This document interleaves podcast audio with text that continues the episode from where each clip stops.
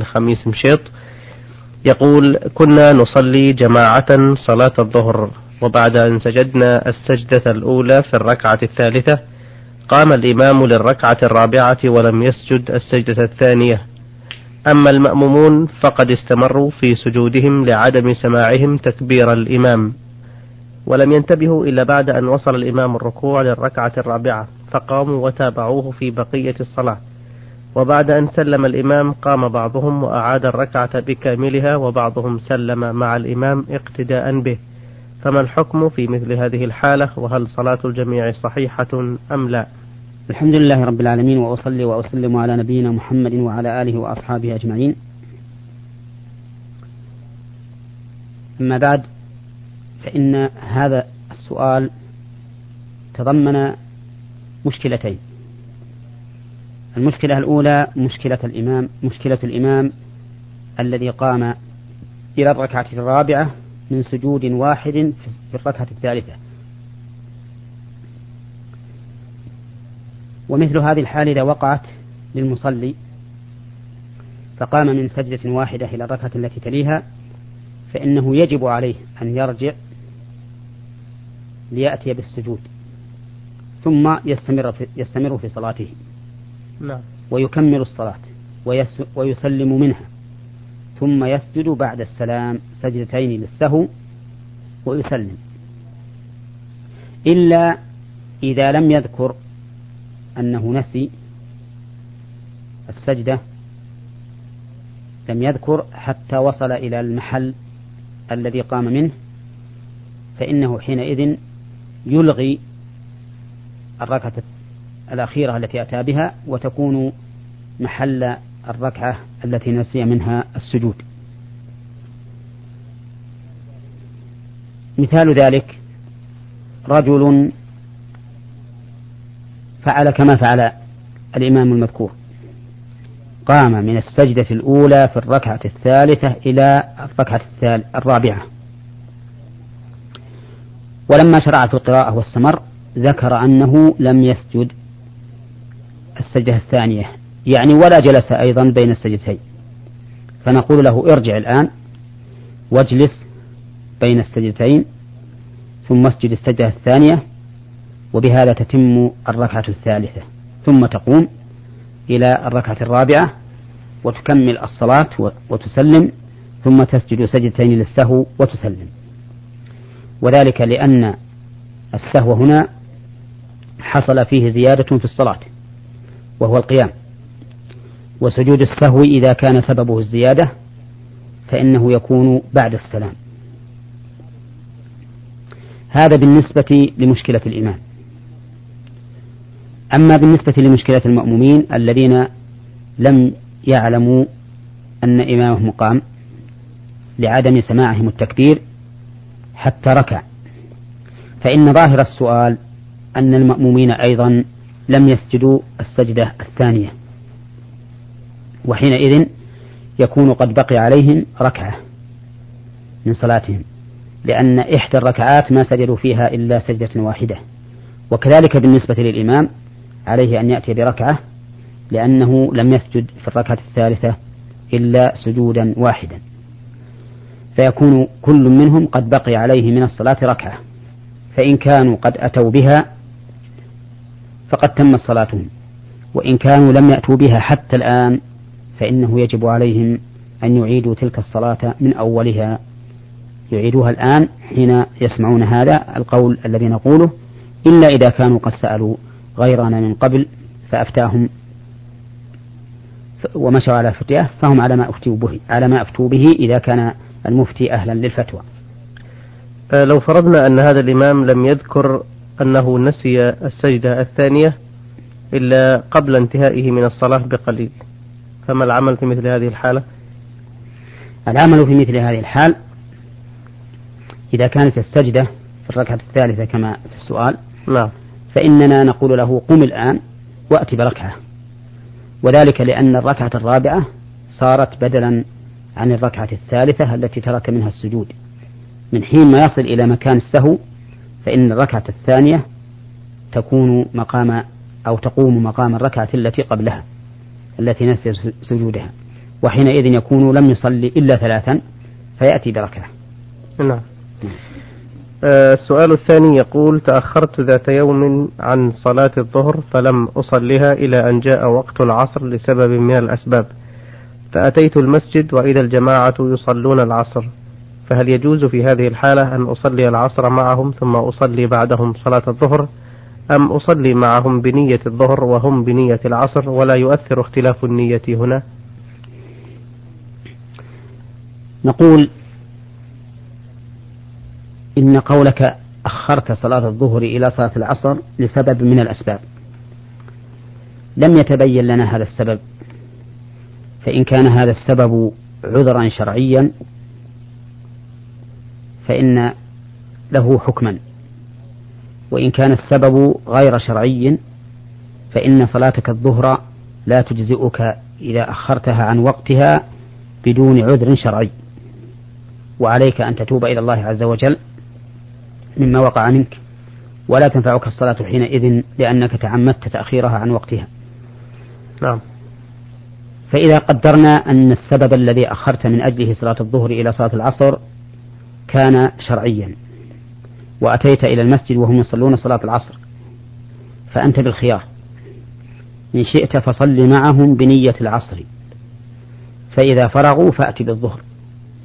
ويسقط الترتيب حينئذ لئلا تفوت الجماعة. وإن شئت فصل معهم الظهر أي بنية الظهر وإن كانوا يصلون العصر. ولا تضر ولا يضر اختلاف النية. لأن النبي صلى الله عليه وسلم قال إنما جعل الإمام ليؤتم به فلا تختلفوا عليه فإذا كبر فكبروا. فبين صلى الله عليه وسلم معنى الاختلاف عليه ولهذا جاءت لا تختلفوا عليه ولم يقل لا تختلفوا عنه. بل قال عليه مما يدل على المراد أن المراد المخالفة في الأفعال. وقد فسر ذلك في نفس الحديث فقال فإذا كبر فكبروا وإذا ركع فاركعوا إلى آخره أما النية فإنها عمل باطن لا يظهر فيها الاختلاف على الإمام ولو اختلفت. وعلى هذا فإنك تدخل معهم بنية الظهر وإن كانوا يصلون العصر ثم إذا انتهوا من الصلاة تأتي أنت بصلاة العصر. وهذا عندي أولى من الوجه الذي قبله. نعم. آه، لو فرضنا أن الجماعة يصلون نافلة وهو فاتته فريضة وانضم معهم هل يؤثر أيضا اختلاف النية بين الفرض والنفل؟ هذا أيضا لا, لا تأثير له. فيجوز نعم. أن يصلي الإنسان فرضا خلف من يصلي نافلة. ويدل لذلك حديث معاذ بن جبل رضي الله عنه. أنه كان يصلي مع النبي صلى الله عليه وسلم صلاة العشاء ثم يرجع إلى قومه فيصلي بهم تلك الصلاة. فتكون لهم ناف له نافلة ولهم فريضة. وهذا وقع في عهد النبي صلى الله عليه وسلم. نعم. فإن قال قائل لعل النبي صلى الله عليه وسلم لم يعلم به فالجواب على ذلك من وجهين. الأول أن نقول يبعد أن النبي صلى الله عليه وسلم لا يعلم به لا سيما وأنه قد شكي إليه في الإطالة. حين صلى بهم ذات ليلة فأطال ثم دعاه النبي عليه الصلاة والسلام ووعظه والقصة معروفة. نعم. فيبعد أن النبي صلى الله عليه وسلم لم يعلم بحال معاذ رضي الله عنه. والوجه الثاني أنه على فرض أن يكون معاذ أو أن يكون النبي صلى الله عليه وسلم لم يعلم بصنيع معاذ هذا. فإن الله سبحانه وتعالى قد علم به ولم ينزل وحي من الله تعالى بإبطال هذا العمل. ولهذا كل ما جرى في عهد النبي عليه الصلاة والسلام فإنه حجة لإقرار الله له. والله سبحانه وتعالى لا يقر أحدا على باطل وإن خفي على النبي صلى الله عليه وسلم. بدليل قوله تعالى يستخفون من الناس ولا يستخفون من الله وهو معهم إذ يبيتون ما لا يرضى من القول وكان الله بما يعملون محيطا. فلما كان هؤلاء القوم يبيتون ما لا يرضي الله ما لا يرضي الله عز وجل والناس لا يعلمون به بينه الله عز وجل ولم يقرهم عليه. فدل هذا على أن ما وقع في عهد الرسول عليه الصلاة والسلام فهو حجة وإن لم نعلم أن النبي صلى الله عليه وسلم علم به حجة بإقرار الله له. فالمهم أن فعل معاذ رضي الله عنه هذا حجة على كل تقدير وهو يصلي نافلة وأصحابه يصلون وراءه فريضة. إذا فإذا صلى شخص وراء قوم يصلون نافلة وهو يصلي فريضة فلا حرج في ذلك. ولهذا نص الإمام أحمد على أن الرجل إذا دخل المسجد في رمضان وهم يصلون التراويح فإنه يصلي خلف الإمام بنية صلاة العشاء. فإذا سلم الإمام من التراويح من من الصلاة التي هي من التراويح أتى بما بقي عليه من صلاة العشاء. وهذا فرض خلف نافلة. نعم, نعم. جزاكم الله خيرا. آه، السؤال الأخير يقول هل يجوز للمرأة الحائض أو النفساء لمس الكتب أو المجلات التي قد تشتمل على آيات قرآنية وأحاديث نبوية قياسا على تحريم لمس المصحف المصحف؟ الجواب لا يحرم.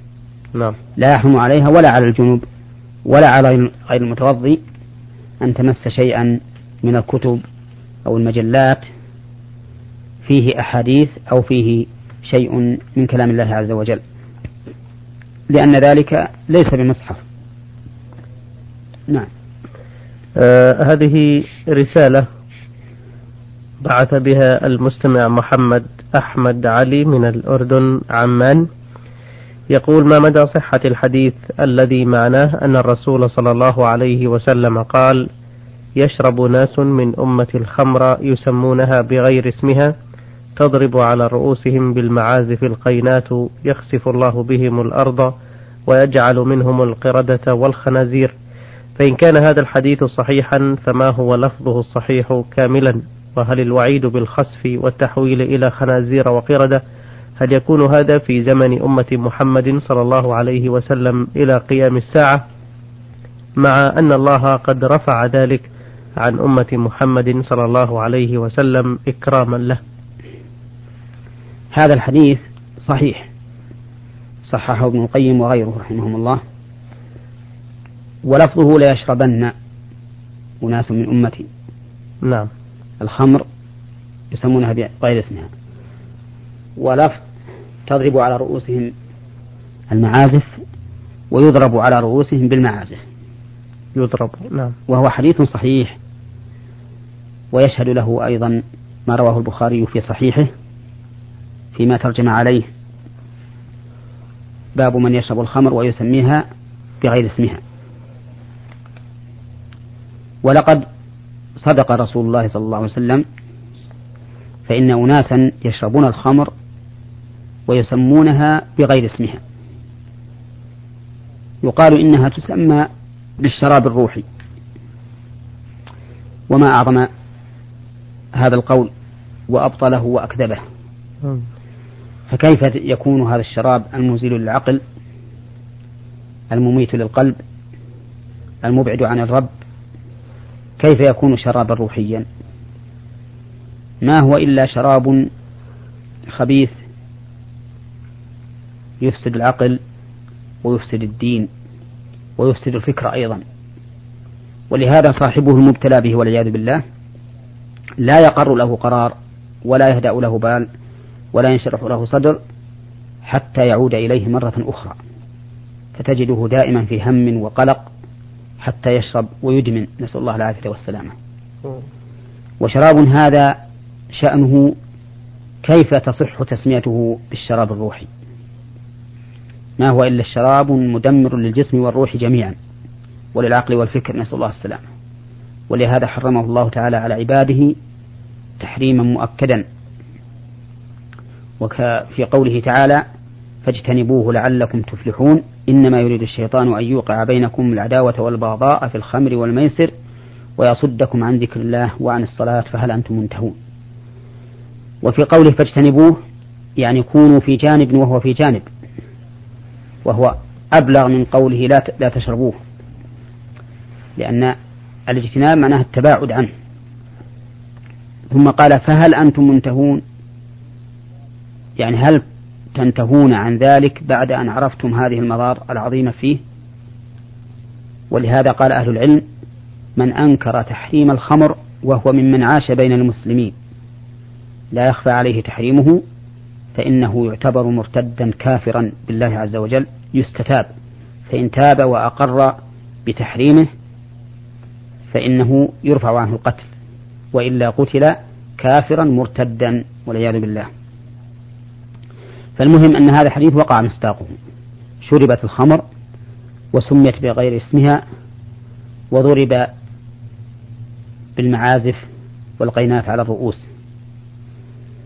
وأما قول القائل إنه كيف يكون ذلك وقد رفع الله هذا عن هذه الأمة فيقال إن الذي رفع عن هذه الأمة هو الإهلاك بسنة بعامة بشيء عام يستأصلهم. وأما أن يختص بعضهم بعقوبة فإن هذا لم يرفع.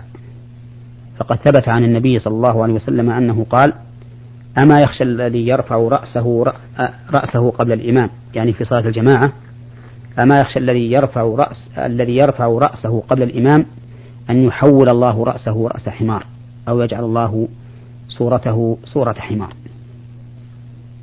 وكذلك هنا ذكر في الحديث أن الله تعالى يمسخهم قردة وخنازير.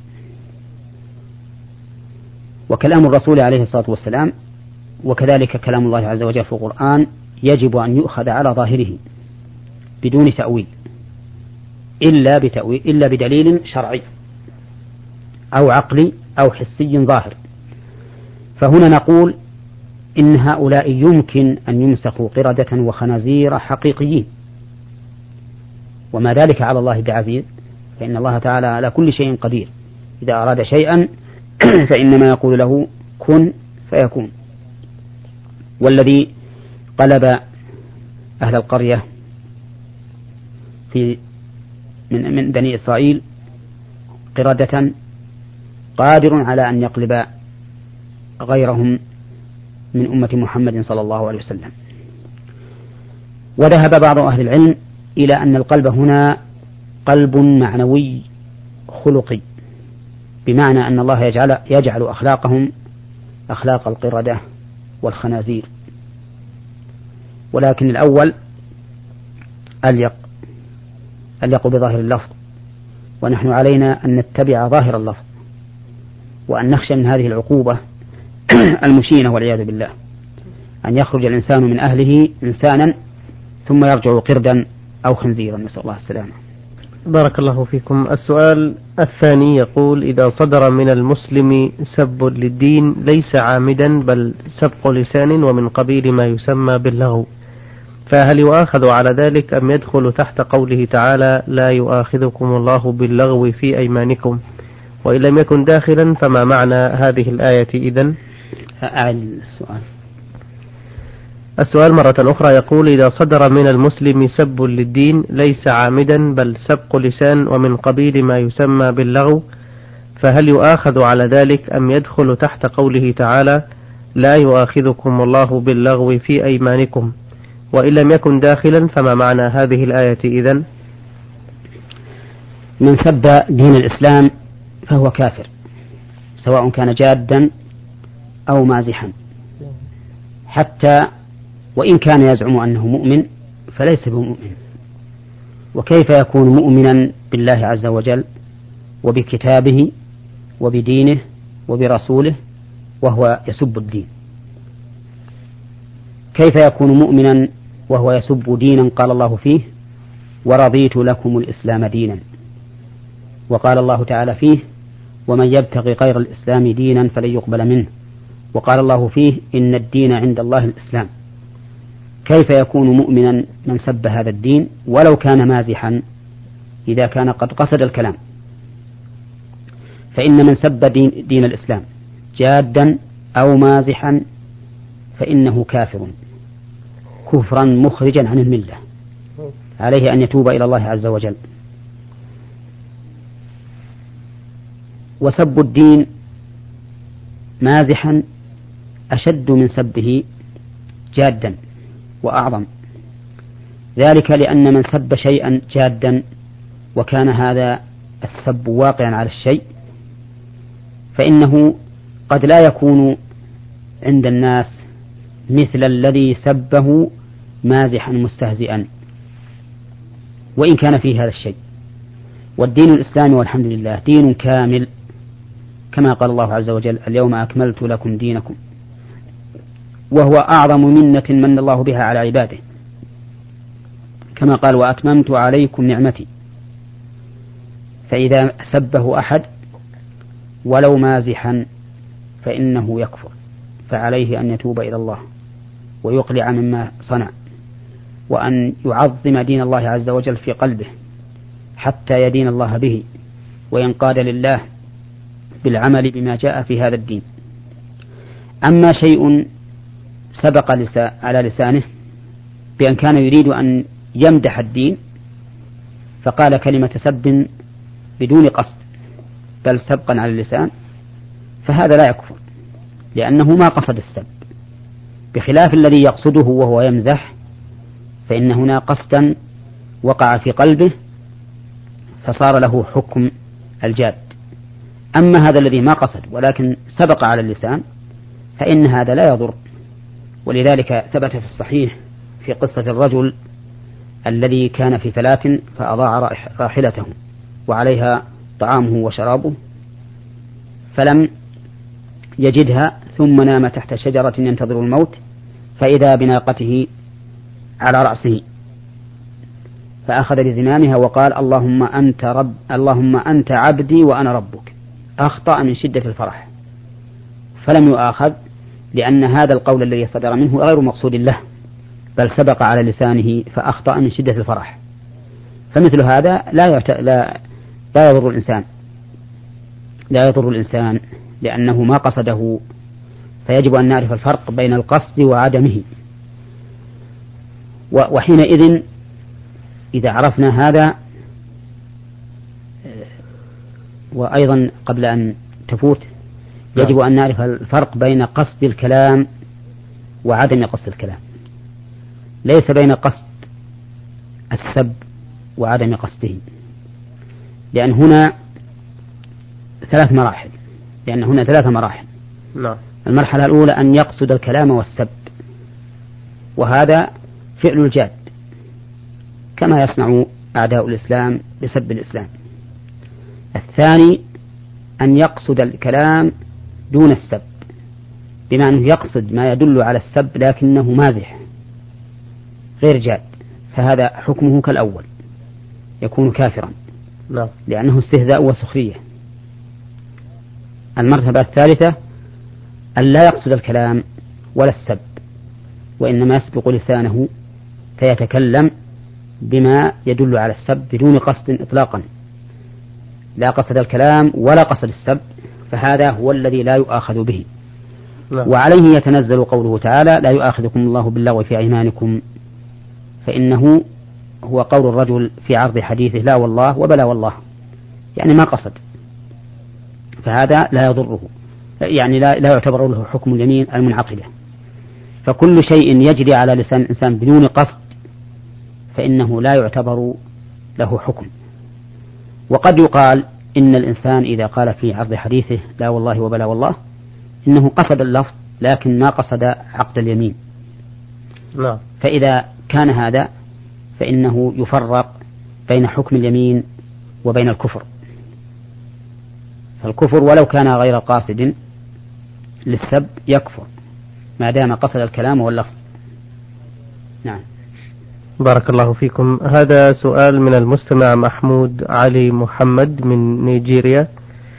يقول أنا أعمل سائقا لسيارة وذات يوم اصطدمت بثلاثة أشخاص غير مسلمين ولكني أخفيت نفسي إلى أن تقدم شخص عني وأنهى القضية بالسماح دون دفع غرامة أو دية. فهل علي شيء في هذا؟ وهل تلزمني كفارة صيام أم لا؟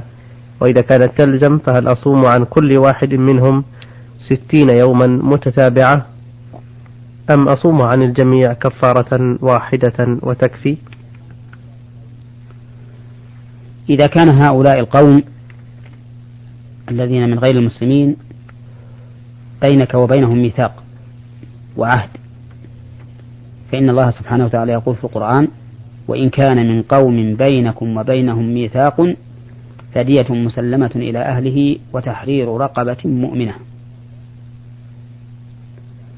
فهؤلاء يجب عليك في قتلهم كفارة على ما قاله أهل العلم. نعم. والكفارة عتق رقبة فإن لم تجد فصيام شهرين متتابعين. ويلزمك عن كل واحد كفارة. وعلى هذا فتصوم ستة أشهر كل شهرين منها متتابعان. ولا يلزم أن تتابع الستة كلها.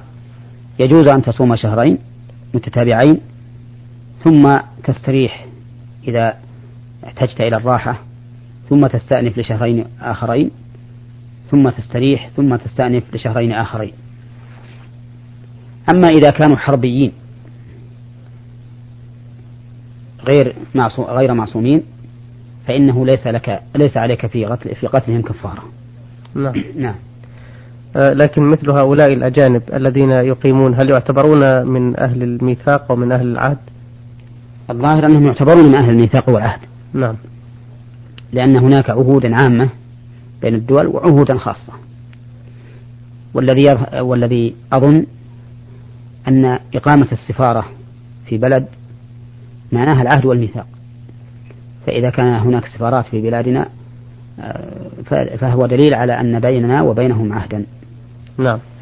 جزاكم الله خيرا. آه، أيها الإخوة الكرام لم يبق لنا في نهاية هذا اللقاء إلا أن نتوجه بشكرنا إلى الشيخ محمد بن صالح العثيمين.